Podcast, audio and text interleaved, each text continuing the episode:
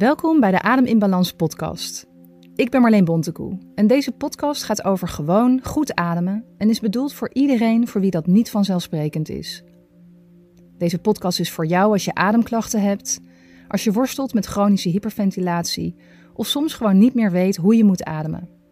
En verder is hij er natuurlijk ook voor iedereen die gewoon graag meer wil leren over functioneel en gezond ademen. Veel luisterplezier. In deze nieuwe aflevering ga ik in gesprek met mijn naamgenoot en mede-Buteco-instructeur Marleen van Loon. Met haar bedrijf Ademherstel gaat ze met kinderen aan de slag om functioneler te leren ademen en daardoor van allerlei gezondheidsklachten te herstellen. Ze geeft mooie inzichten, maar vooral ook een paar eenvoudige tips die je vandaag nog toe kan passen.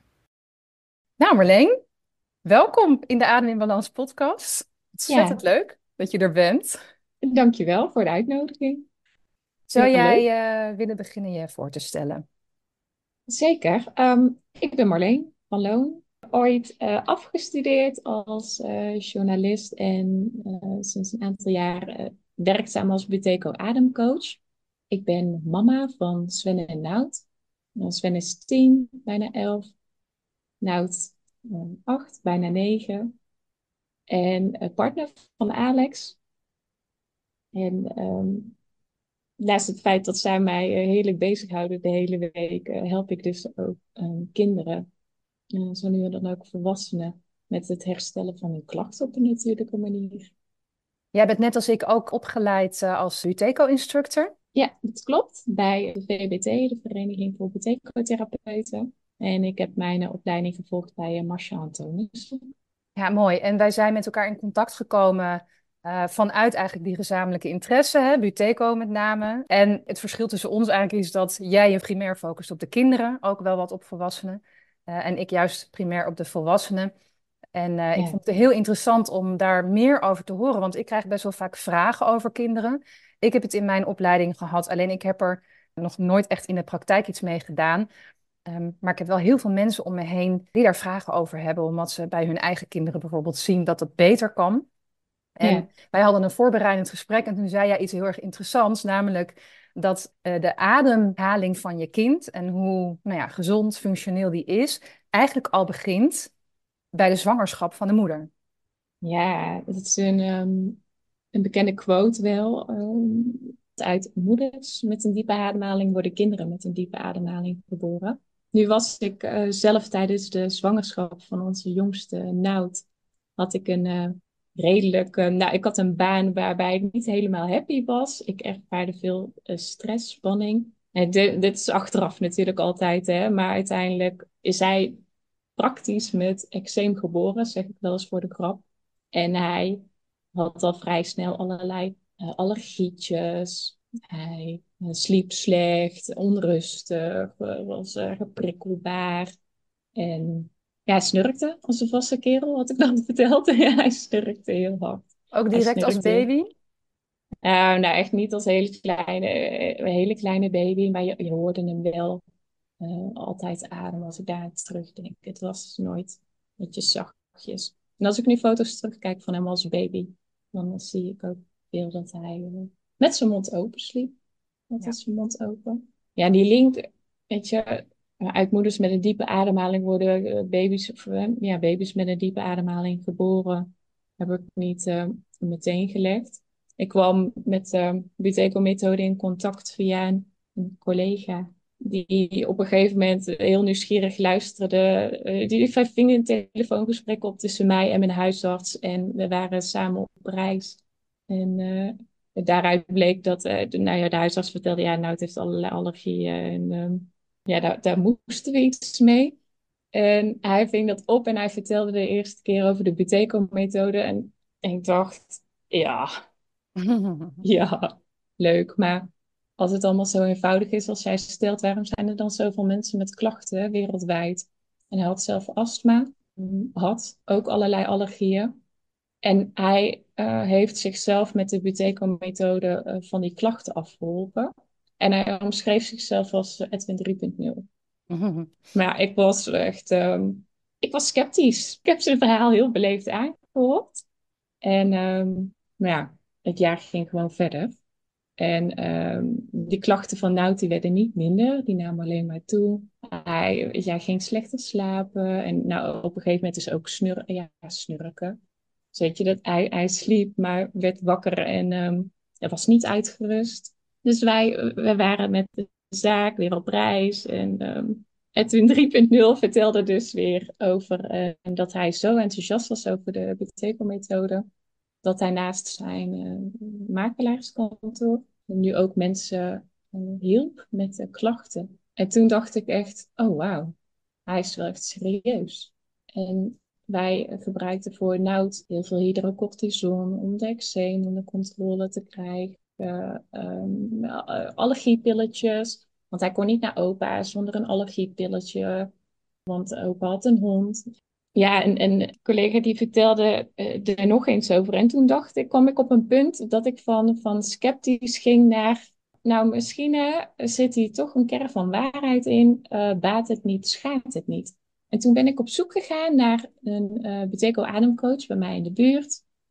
Uh, Nout was op dat moment vier. En um, ze zei, nou weet je Marleen, als jij de Beteco-methode zelf, als jij de cursus volgt en jij snapt helemaal het principe, dan kan je het spelende wijs overbrengen op Nout. Nou, dat heb ik gedaan.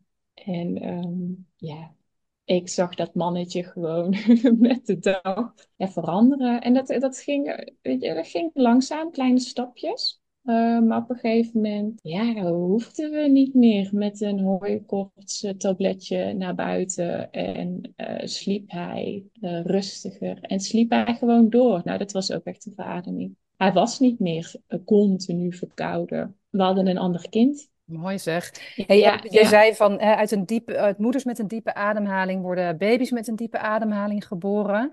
Wij, wij weten dit als Buteco-instructeurs, maar ik leg het ook nog even uit voor wie daar wat minder bekend mee is. Want um, ik kan me voorstellen dat heel veel mensen nu denken, wat is er mis met een diepe ademhaling? Want wat we eigenlijk leren ja. met z'n allen, is je moet juist diep ademhalen. Ja, want dan krijg je lekker veel zuurstof. Ja, ja meer zuurstof, daarvoor heb je meer lucht nodig. Nou, vanuit de Buteco-methode uh, wordt dat eigenlijk juist precies andersom gezien. Dus um, ja. we weten dat als je heel diep ademt, dat je eigenlijk niet per se diep ademt, maar de neiging hebt om een beetje te groot te ademen, zodat je te veel lucht ademt. Nou, daardoor verlies je heel veel koolstofdioxide en die koolstofdioxide heb je juist nodig om zuurstof te kunnen afgeven aan je cellen, aan je lichaamcellen. En dus het diepe ademen, ik noem dat dus vaak groot ademen, dat wil je dus juist niet. Dus wat je eigenlijk doet bij de Buteco-methode is je lichaam leren om minder lucht te ademen. Ja, klopt. Hoe, hoe kan je dat doorgeven dan als je zwanger bent uh, aan, uh, aan je kindje? Ja, de navelstreng. De samenstelling van het bloed is het uiteindelijk natuurlijk. En dat heeft invloed op de fysiologie ook van, de, van de stofwisseling van de baby in je buik. En, even, en natuurlijk los daarvan, ik vind, vond het ook wel een hele mooie, dus misschien een mooie podcast nog voor, voor de luisteraars, met uh, Anna Verwaal. En um, zij is geboorteconsulente en zij heeft een hele mooie TED-talk die te vinden is op YouTube. Die gaat over dat onze baby's worden gemarineerd, als het ware, in de baarmoeder. Dus we staan niet alleen met hen in hè, verbinding met de navelstreng, maar ervaren wij als moeder zijn ook gewoon met je stress. Stelt zij dat je dat ook door kunt geven aan jouw kindje. Anna Verwaal heet zij. Ja, ja. Oké. Okay. Nou, wil je natuurlijk het liefst voorkomen dat je kindje dysfunctioneel ademt. Nou, dat begint dus eigenlijk al bij jezelf. Bij hoe jij die zwangerschap doorkomt. Uh, hoe jij ademt tijdens je zwangerschap. Zonder en, stress. Nou, dat is een, ook een, een aflevering die nog hoog op mijn wensenlijstje staat. Hoe adem je nou goed tijdens je zwangerschap? Want ja, ja, je hebt daar natuurlijk... Uh, er groeit daar wat, wat hartstikke in de weg zit bij je middenrif. ja. Maar goed, dan heb je je kindje gekregen en dan wil je natuurlijk het liefst voorkomen dat het dysfunctioneel gaat ademen. Uh, jij hebt tips voor uh, zelfs al bij baby's waar je op kan letten. Ja, ja, ja, dat zijn kleine, kleine dingetjes, hè, maar je kunt bijvoorbeeld op letten. Zijn de lipjes van de, van de baby, zijn ze gesloten? Waarom ja. is dat zo belangrijk voor die kleintjes? Ja, omdat die kleintjes ook, kijk, op het moment dat zij door hun mond ademen, dan verliezen zij ook te veel van die CO2. Wat doet het lichaam? Gaat op zoek naar evenwicht. Um, dus gaat uitstromingskanalen van CO2 vernauwen. Dus dat neusje gaat dicht zitten. Het kind krijgt een verstopte neus. Voor de neus geldt uh, wat wij altijd zeggen, use it or lose it. Dus uh, hoe meer je door je mond ademt, hoe meer die neus uh, verstopt raakt. Want die neus is eigenlijk bedoeld om door te ademen. De mond is fijn, zeker nou ja, als dat op een gegeven moment bij baby's, dat die ook door hun mond kunnen ademen. Ik vind het zelf altijd een heel fijn plan B, om het maar zo te noemen. Dat het wel kan, mocht, die, mocht het dus niet lukken door de neus, om wat voor een reden dan ook. Ja, hoe meer door je neus ademt, hoe makkelijker dat wordt. Die neus is om te ademen. Alleen die neus, niet die mond. Ja. Um, en zie je dat het babytje inderdaad toch door de mond ademt, wat voor reden dat dan ook heeft, hè? of het uit uh, st uh, stressvolle mama is geboren, of dat het uh, te dik is aangekleed, dat de lucht niet fris genoeg is in huis, of dat bepaalde omgevingsfactoren een trigger zijn, hè? stof of huisdieren. Het is altijd een goed idee om die lipjes te sluiten, zodat het kind enkel en alleen door de neus kan ademen. Ja, en uit zichzelf ook, hè? dus het is niet de bedoeling dat je die lippen op elkaar houdt, hè? maar even gewoon om, ja, sturend, lipjes op elkaar, zodat de aandacht dus naar die neus gaat, hoe meer het kindje door de neus kan ademen, hoe makkelijker het gaat. En de voordelen, nou, ik heb er een hele aflevering over opgenomen, waarin ik dat uitgebreid uitleg, hè? maar de lucht wordt gefilterd, de lucht wordt verwarmd, de lucht wordt bevochtigd, Het zorgt ervoor dat je minder lucht ademt dan wanneer je door je mond ademt. Wat natuurlijk ook belangrijk is weer door hè, om dat verlies van koolstofdioxide te beperken. En mondademen zorgt er dus daardoor eigenlijk ook voor niet alleen dat we te veel koolstofdioxide verliezen en daardoor dus ook de zuurstofopname niet optimaal is, maar ook dat ons lijf eigenlijk een beetje in zo'n flight-fight stand komt. Uh, Je mond kan uitdrogen, het is niet gezond voor je kaakontwikkeling, voor het gebit. Het kan chronische luchtwegklachten geven. Dus een constante verstopte neus of een vervelend hoesje. dus er zijn ontzettend veel voordelen voor dat neusademen. En jij zegt eigenlijk, daar kan je al op gaan letten bij een, bij een baby, door dus die lipjes. En bij kleine kinderen meer die onderkaak een beetje omhoog duwen als je ziet. Ja, weet je, en dat hoeft niet met kracht. Het kan gewoon zachtjes. En je kan ze er gewoon op wijzen. Maar ook lopen ze, weet je, als kindjes slapen en je loopt eventjes binnen op het kamertje. Kijk even hoe je kind inderdaad in bed ligt. Is die mond gesloten? Nou, doe hem even zachtjes dicht. Ja, en overdag is het ook wel interessant om te kijken hoe jouw kind tv kijkt, een boekje leest, een puzzeltje maakt of gamet, wat tegenwoordig heel veel gebeurt. En dan ja, kan je wijzen op, op neusademen, maar die mond maar gewoon gesloten. Ja, want als ik kleine kinderen zie, dan zie ik ze echt vaak met hun mond open. Ja. dat is volgens mij iets wat er heel erg bij hoort bij kleine kinderen. Hoe komt dat dan? Is dat een concentratie of zo, dat dat mondje open valt? Of een gewoonte? Ik, ik denk echt een gewoonte. Een gewoonte omdat ze het zien van andere kinderen, van misschien hun ouders. En op een gegeven moment, ja, kinderen raken op een gegeven moment verkouden. Dan gaan ze naar het kinderdagverblijf. En dan uh, kan je de periode dat ze niet verkouden zijn eigenlijk niet meer herinneren. Maar dan is het ook wel de kunst om dat patroon van die verstopte neus en die mond open houden. Om dat te doorbreken. En ook ja, die mond sluiten. Zeg ja, maar dan krijg ik krijg geen lucht. Nee, dan, dan moet je die neus gaan openen. Ja, en hoe, hoe gaan we dat dan doen? Ben je in het begin, uh, ik gebruikte heel veel uh, een neusspray bij noud. Maar dat was dweilen met de kraan open. Want op een gegeven moment was, weet je, dan was die neus wel eventjes open. Ja, even. En dan plop, dan ging die weer dicht. Dat zijn natuurlijk allemaal, heeft allemaal te maken met die, dat is de beschermingsreactie van het lichaam. Het kind ademt te veel, hoe jij zegt te groot. Het lichaam gaat de uitstromingskanalen van CO2 vernauwen. Nou, in de neus, bop, we doen die neus dicht. Dus je moet dat patroon doorbreken, neus openen. En natuurlijk is dan uh, soms een, een, een zoutoplossing uh, zijn noodgreep om even snel die neus te openen. Maar dit komt ergens vandaan. En ja, je gaat de oorzaak aanpakken. De oorzaak is diepe ademhaling. Te veel door de mond. Ja. Dus die mond die moet dicht. En dan gaat die neus ook niet meer verstopt zitten. Ja, ik merk dat bij mezelf heel erg. Dat ik was echt best wel vaak verkouden. Ik had niet een chronisch verstopte neus. Wel heel veel last van hoesten, vooral s'nachts. En sinds ik met die Buteco-methode mijn adem heb hertraind, heb ik dat echt heel veel minder. Ja. En als ik dan toch verkouden word door een virusje, wat natuurlijk altijd kan gebeuren, ben ik er ook echt sneller van af. Ja. Uh, in ieder geval van, Ja. die, uh, van die verstopte neus en, die, uh, en het hoesten. Ja. Dus eigenlijk zeg jij, om te voorkomen dat je kind ademproblemen krijgt, kun je dus eigenlijk vanaf heel jong, jongs af aan al letten op dat hij echt door zijn neus blijft ademen. Ja, papa's en mama's mogen het echt in hun oren knopen dat die neus om te ademen is. Ja. Die neus is om te ademen. Mond, eten, praten, drinken. Dat, uh, ik ga een tegeltje maken. dat Ja. in huis. Voor over, overal in huis. Super belangrijk. Ik heb wel eens in een, in een mooi boek ook gelezen over uh, inheemse stammen. Dat dat daar heel normaal is. In de Ja. natuurvolkeren. Mondje open, nee, up, mondje dicht. Even zachtjes die lipjes op elkaar. Nou is dit natuurlijk een hele mooie tip voor iedereen met kleine kinderen. Nou zijn er ook een hoop uh, ouders, weet ik, die kinderen hebben waarvan zij het gevoel hebben, daar zit al een ademprobleem. Er zit al een, een, een dysfunctionele manier van ademen. Hoe weet je nou of je kind inderdaad verkeerd ademt? Waaraan kan je dat zien of merken? Ja, die ouders die zien dat natuurlijk, weet je, die denken niet als eerste, mijn kind ademt dysfunctioneel. Dat, dat kind heeft continu een verstopte neus. Is aan de lopende band verkouden. Of je kind kwelt. Echt heel erg. Scheve tandjes in de onderkaak. Dat zagen wij bij Nout vooral ook.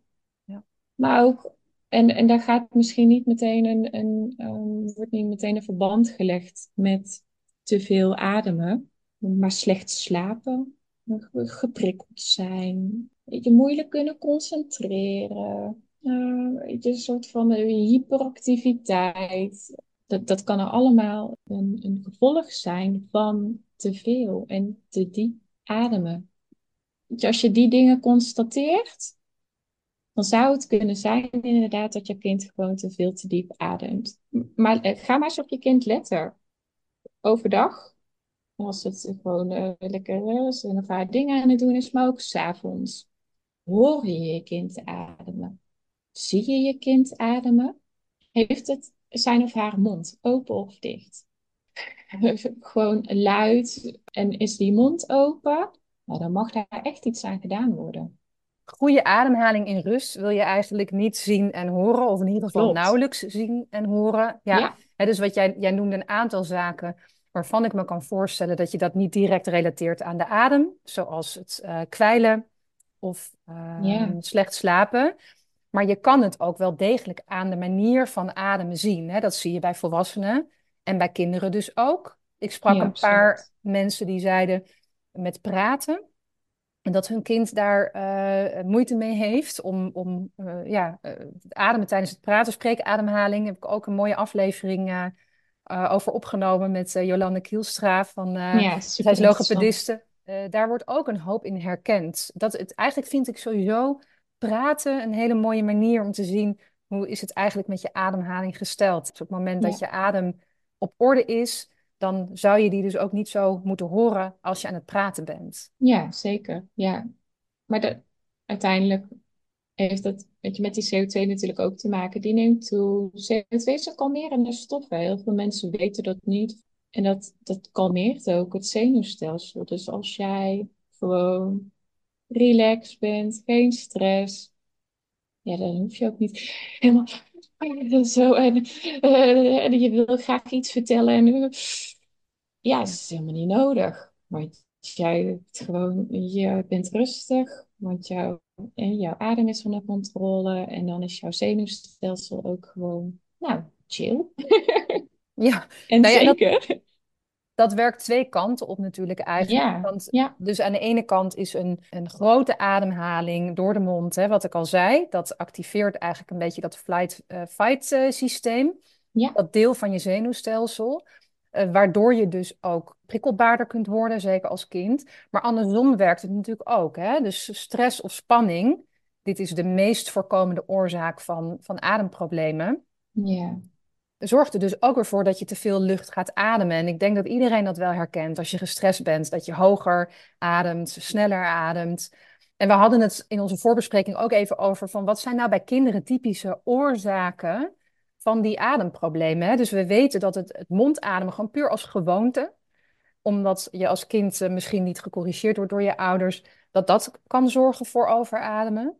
Maar zijn er meer oorzaken als het te warm is, te warm gekleed of te warm misschien in de ruimte, geen frisse lucht? Dus je huis ventileren, maar ook als kinderen weinig ja, buiten zijn, te weinig bewegen, dus te veel binnen zitten. Het is de stukjes stress, spanning, willen presteren. Dat is in deze maatschappij natuurlijk ook een dingetje op scholen. Weet je, niet alleen bij de kinderen, maar ook bij de volwassenen. Nou, een, goed voorbeeld doet volgen, toch? Ja. Dus als wij, als wij het goede voorbeeld geven, of het slechte voorbeeld, ja, nemen die kinderen dat ook gewoon over. Want zeker in de eerste zeven jaar van hun leven, het zijn sponsen. Ja. ja, voeding. Bewerkte voeding. Dus, dus ja, suiker, frisdrank, energiedrankjes. Nou, blijf er alsjeblieft van weg. Echt waar. het is niet dat ze bij mij thuis uh, nooit frisdrank krijgen. Maar het draagt allemaal bij aan diepere ademhaling. Dus, maar eigenlijk alles waar te veel voor staat. dat is ook al een mooie. Te veel eten. Te veel suiker te veel binnen. ja. Precies, precies. Dus het, bedoel, we weten dat alles wat, waarvan we eigenlijk al weten dat het niet zo goed voor je is, ook niet zo goed is voor je ademhalingen. Het prikkelt heel erg je zenuwstelsel. Het zorgt voor verzuring, waardoor je lichaam ook sneller probeert koolstofdioxide kwijt te raken. Uh, en een beetje is niet erg. Uh, maar als je kind en al heel veel binnen zit en al heel weinig beweegt en ook nog eens bijvoorbeeld heel veel suiker of frisdrank of zo of energiedrankjes krijgt. En dan lekker veel gamen. nou ja, jij noemde ook, dat vond ik wel interessant, hè, dat gamen eigenlijk ook heel veel spanning kan opleveren. En hier heb ik het in mijn training ook altijd over. Hè? Dus wat doe jij om te ontspannen? En hoe weet je of je werkelijk ontspannen bent? Ik geef altijd als voorbeeld dat ik ben net als heel veel mensen die graag ontspannen, ga ik daarvoor graag naar de, de natuur in. Um, Maar ik woon best wel dicht in het centrum hier in Hilversum. Dus ik moet door best wel druk verkeer om daar te komen. Nou is dat op de heenweg nooit zoveel probleem. Want dan kan ik van die verkeersdrukte bijkomen als ik door het bos wandel. Maar dan ben ik helemaal relaxed en dan moet ik nog terug. Dus ik bepaal wel mijn momenten wanneer ik weet, oké, ik moet echt even afschakelen nu. Ik, heb, ik moet echt ontprikkelen. Dan kan ik beter thuis blijven en onder een dekentje op de bank gaan liggen. Dan, dan het verkeer ingaan, ook al ga ik naar een ontspannende plek. Ja. Ehm, en hetzelfde geldt natuurlijk voor, voor bijvoorbeeld Netflixen of een spannende wedstrijd kijken, sportwedstrijd of zo. Dat uh, is het werkelijk ontspannend? Of geef je eigenlijk jezelf op een andere manier toch ook weer heel veel prikkels. Als ik een hele enge film kijk. en je lichaam kan slapen ook... gaan. Nou ja, dat. je lichaam kan ook moeilijk het verschil, het onderscheid maken hè, tussen angst en werkelijk gevaar. En dat, dat zei jij eigenlijk ook over gamen bij kinderen. Hè? Dat dat soms juist zo prikkelend kan zijn, dat dat niet bijdraagt aan ontspanning. Ondanks dat het wel een spelvorm is die wel weer heel ontspannend kan voelen. Ja, nou, ik heb zelf twee jongens. Ja, dat spelletje Fortnite is ontzettend populair. Ik heb dat heel lang buiten de deur kunnen houden. maar ja, ze spelen het ook. Ehm, en ik zie aan, mijn jongens ook dat ze daar, ja, dat, dat geeft spanning. Ik kan wel zeggen, ja, dat is leuk voor de ontspanning. Maar ik zie aan die kinderen ook. En ze weten het, hè, want ik als Buteco ademcoach, zij weten echt wel wat het met ze doet. En soms dan zeg ik het nog wel eens van, jongens, want dan hoor ik weer, mijn, mijn neus gaat een beetje dicht zitten. Ik zeg, ja, ik zeg maar, ik ga jou zo meteen filmen en dan kan je zien hoe je eigenlijk, uh, weet je, helemaal druk loopt te doen, omdat iemand, ja, ik, ik zal niet in de termen vervallen, maar uh, die, die, hartslag van die kinderen die gaat omhoog. Als ze, uh, want het liefst heb ik dat ze voor de, voor de tv zitten op een rechte stoel, zodat die houding goed is. Maar ze liggen ook wel eens gewoon krom in de bank. Um, kun je zeggen tegen je kind, je moet niet zoveel gamen. Uh, hoeveel uur zitten wij op onze telefoon te koekeloeren? En zitten wij daarbij uh, recht? Ja. En ik ga echt niet uh, roomser doen um, en dan de pauze. Want ik zie bij mijn jongens ook, hun houding is ook niet altijd optimaal. Um, maar ze gaan wel, weet je, ik stuur ze wel naar buiten. Ze nu buiten spelen. En ze sporten heel intensief. Jij noemt de, de houding van, de, van jouw jongens. Daar hadden we het nog niet over gehad. Waarom is dat zo belangrijk voor een goede ademhaling?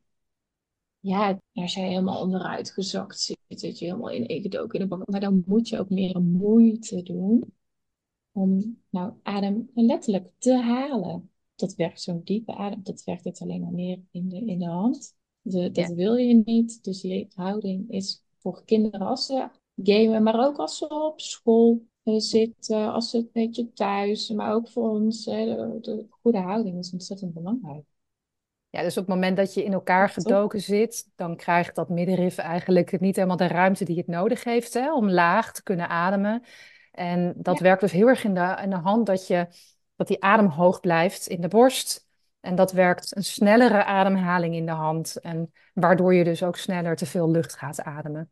Ja, en als je dan nog uh, krom zit en je bent aan het gamen en, uh, en het lukt niet wat je wil doen en die hartslag gaat omhoog, ja, dan heb je wel prijs. Als we dan eventjes kijken naar de gevolgen van een ongezonde manier van ademen. Dat is dus dat die adem eigenlijk te hoog is, dat die onregelmatig is, dat je te veel lucht ademt. Daardoor kan dus je neus verstopt raken. Uh, je kan veel gaan hoesten. Ehm, nou, je had het ook al over slaapproblemen. Nou, zelfs in jouw geval bij Nout, uh, wellicht uh, andere problemen die daaraan gerelateerd zijn, zoals bijvoorbeeld eczeem. We hebben de kaakontwikkeling, hadden we al eventjes over. Dus je, je kaakvorming ontstaat rondom de tong. Die tong is eigenlijk een hele sterke spier. Heb ik in mijn aflevering over het neusademen ook even over. Wat je ziet bij typische mondademers is het een een uh, hele smalle kaak die een beetje naar achter staat ook. En dat komt omdat je met mondademen, uh, dat die tong eigenlijk wat meer onderin de mond uh, hangt. Wat een tip is voor bij het neusademen, is dus die tongpositie. Zorg dat die tong boven in de mond is, zodat... Ja, als hij daar zit, kan je eigenlijk ook niet door je mond ademen. Moet je maar eens proberen. al zou je willen. Dus dat helpt al. ja, en ik, ik heb geleerd dat het kan helpen om dan om, om te bepalen, zit die tong daar goed om dan een N-geluid te maken. Dus als je hmm zegt, dat kan niet anders dan met je tong tegen je gehemelte aan. Ja, mooi. Ja. En die smalle kaak, door het mondademen, zorgt er ook voor dat je tanden te weinig ruimte krijgen. Dat die tanden scheef gaan staan. Het kan echt serieuze gebitsproblemen opleveren.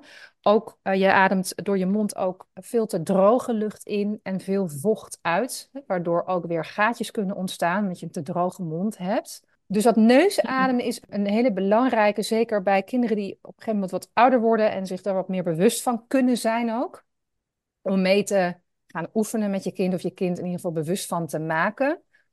Nou, heb ik ook wel gehoord van ouders die zeggen: Ik wil dat graag, maar hoe doe ik dat op een manier zonder dat ik er te veel druk op leg? En dus zijn er spelletjes die ik kan doen, of zijn er manieren waarop je het kan integreren in de dagelijkse dingetjes die er toch al zijn, zonder dat het iets wordt wat er ook nog eens bij komt voor de kinderen? Ja, je kan het tot een bepaalde leeftijd hè, kun je natuurlijk heel erg spelende wijs brengen ja, dat zijn allemaal ja, oefeningen ja, op de trampoline met uh, mond en neus gesloten. stappen, stappen lopen dus naar natuurlijke uitademing, neus, mond gesloten. En zoveel mogelijk stappen lopen als dat ze kunnen, kun je een wedstrijdje voor maken. Wel jongens vinden dat competitie leuk. Ja, dus die stappenoefening, dat is een oefening vanuit de Buteco-methode. Ja. Dus je ademt uit, dan knijp je je neus dicht. Ja. Uh, zodat er, uh, de koolstofdioxide er niet meer uit kan.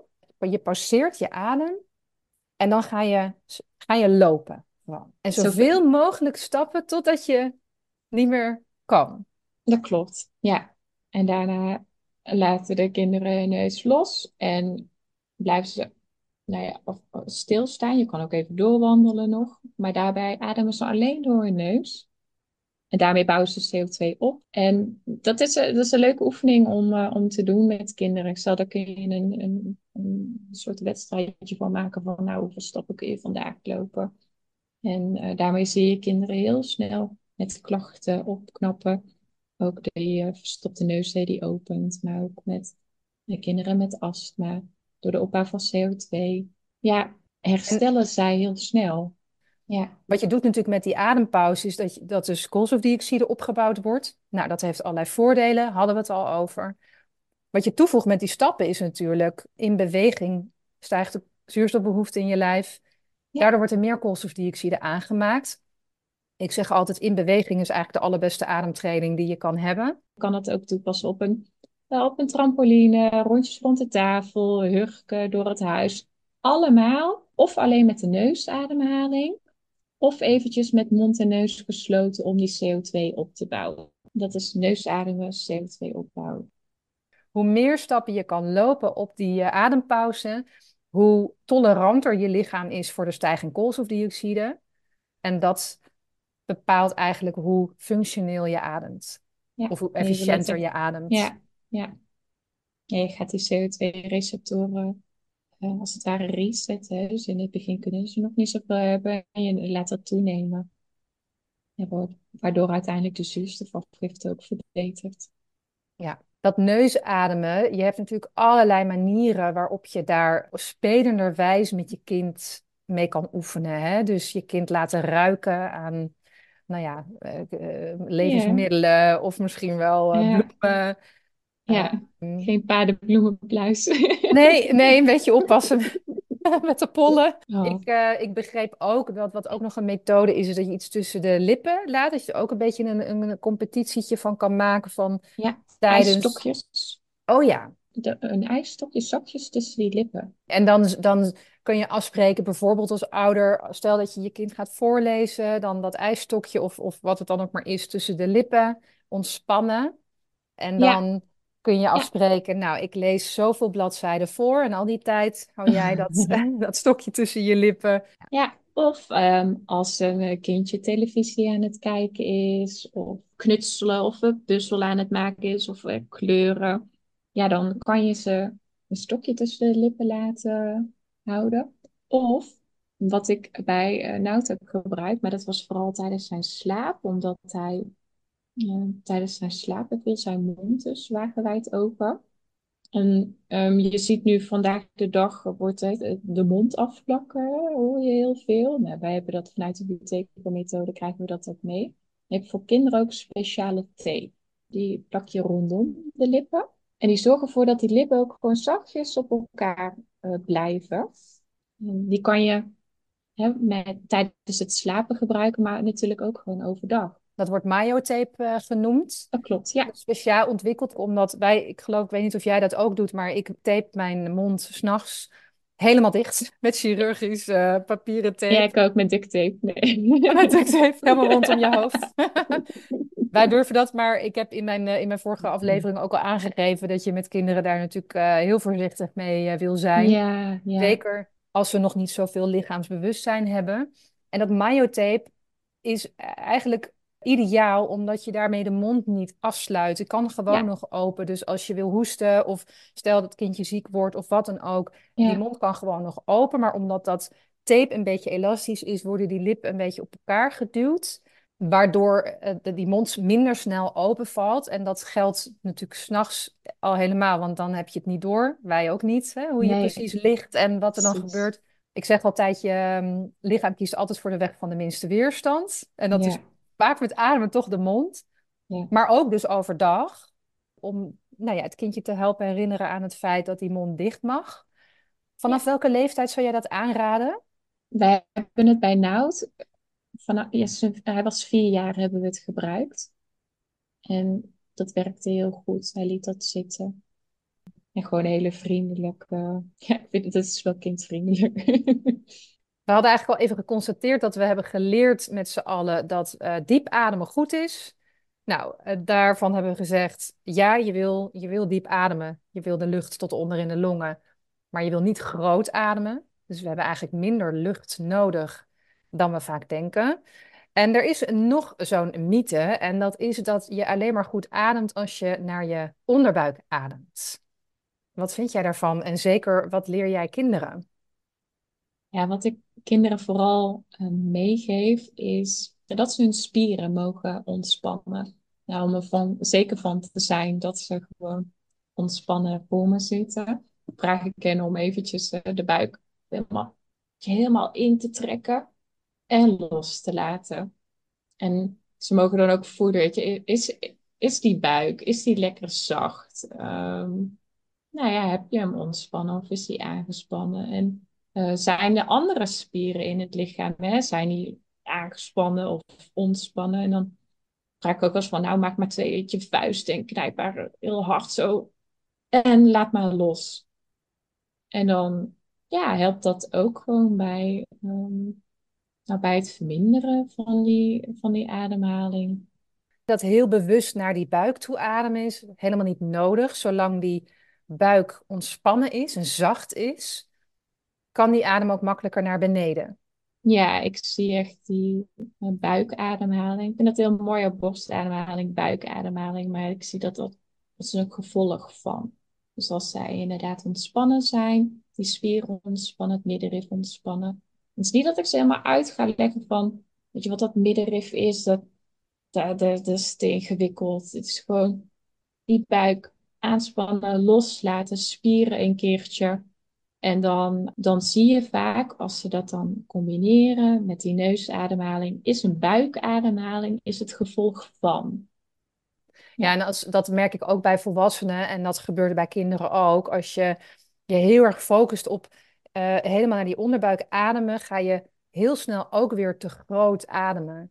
En zo laag hoeft het eigenlijk helemaal niet. Hè? Dus je wil eigenlijk, wat ik, als ik jou goed begrijp, zeg je, zolang je buik, je middenrif en eigenlijk je hele lichaam ontspannen is, kan die adem naar beneden, kan die laag genoeg komen. En daarvoor zul je, hoef je dus niet heel bewust helemaal naar die onderbuik te ademen, maar kan je, nee, kan je beter focussen op het ontspannen. En zorgen dat die buik zacht blijft. Ja, en als ze, um, soms dan zie je wel van die glazige bekjes voor me zeggen, huh? zeg maar, doe, doe dan maar, span je buik dan maar eens aan. En praat maar tegen me. Hoe, waar voel je je adem? En dan ademen. Nou, en dan, ik zeg, waar, waar voel je het dan? En dan bij, weet, je, wijzen ze die borst staan. Dus zitten hier. Ja, zijn nu ontspannen. Oh ja, Oh, je, ze gewoon zakken, gewoon rond van de schouders naar beneden. Het is een gevolg van. Dus hoe meer je loslaat eigenlijk en hoe meer je dus, nou ja, zorgt dat die neus, dat je door je neus kan blijven ademen. Ja. Uh, hoe makkelijker het wordt om ontspannen te ademen. En daar zou je dus eigenlijk helemaal niet zo heel veel moeite voor hoeven doen. Dat klopt. Ja. Het is heel simpel. Zij dokter Biteke ook. Het is heel simpel. Adem minder. Ik zeg altijd, ik word het nog best wel vaak gevraagd door mensen om een ademsessie te doen of iets. Uh, omdat mensen vaak niet helemaal begrijpen wat ik nou precies doe. en dan ja. zeg ik ook altijd, eigenlijk vind ik ademen helemaal niet zo interessant. Het is, mijn doel is juist om te zorgen dat je er niet zo ontzettend over na hoeft te denken. Ja, en soms ja. is daar best wat voor nodig. Als je mijn training gaat doen, dan word je best wel aan het werk gezet. Maar het uiteindelijke doel is dat je juist helemaal niet met ademen bezig hoeft te zijn. Ja, inderdaad. Ja. Even samenvattend, Marleen. Wat zouden nou jouw belangrijkste tips zijn voor ouders die luisteren en die graag de ademhaling van hun kind willen verbeteren of willen voorkomen dat een kind dysfunctioneel gaat ademen? Ja, geen stress. Geen stress. Dat is, dat is één. Twee, de neus is om te ademen. De mond is om te praten, eten en drinken maak er een tegeltje van. Hang het op het toilet. Niet warm aankleden. Goed, lekker die ramen open. Frisse lucht in huis. Lekker naar buiten. Buiten spelen. Wandelen met, weet je, met de baby uh, naar buiten. Bewegen. Uh, sporten. Ja, het is onwijs goed gewoon bewegen. En dat, natuurlijk hoeft dat niet. Uh, je hoeft die kinderen ook niet te drillen om zeker in de week weet je, volle bak keihard te sporten. Nee, maar wel lekker buiten spelen. In beweging zijn. En um, als ze eenmaal verkouden zijn, nou kan je ook wel leren om de neus zelf te openen. Met de neusopener. Hoe je doe je de neusopener? Dat is gewoon heel eventjes die mond, neus gesloten houden. Eventueel een paar keer knikken met je hoofd. Dus een aantal seconden, of dat bij ze zei, vier seconden, drie, vier seconden. En dan kijk, oké, is mijn neus open? Is die nog niet open? Herhaal je het nog een keer. Zit die echt goed verstopt? Doe je het nog een keer. Op een gegeven moment zul je merken door de CO2-opbouw, plop, gaat de neus open. En kinderen, echt kleine kinderen, kijken je dan aan alsof je met een of andere Harry Potter toverstaf hebt gezwaaid. Maar dat is zo, dat is zo simpel. En soms dan zeggen ze, nou, er gebeurt niks. Oké, maar dan herhaal je het. Misschien nog een tweede keer of een derde keer. En op een gegeven moment klopt die neus open. Mooie aanvulling op alle waardevolle tips die je al hebt gegeven. Dank je wel dat je tijd wilde maken om hier eh, jouw verhaal te vertellen. En ik zal even jouw contactgegevens in uh, de notes zetten bij de aflevering, zodat mensen weten hoe ze jou kunnen bereiken mochten ze vragen hebben of mochten ze jouw hulp willen inschakelen. Ja, super. Dankjewel. Jij ook bedankt. En tot de volgende.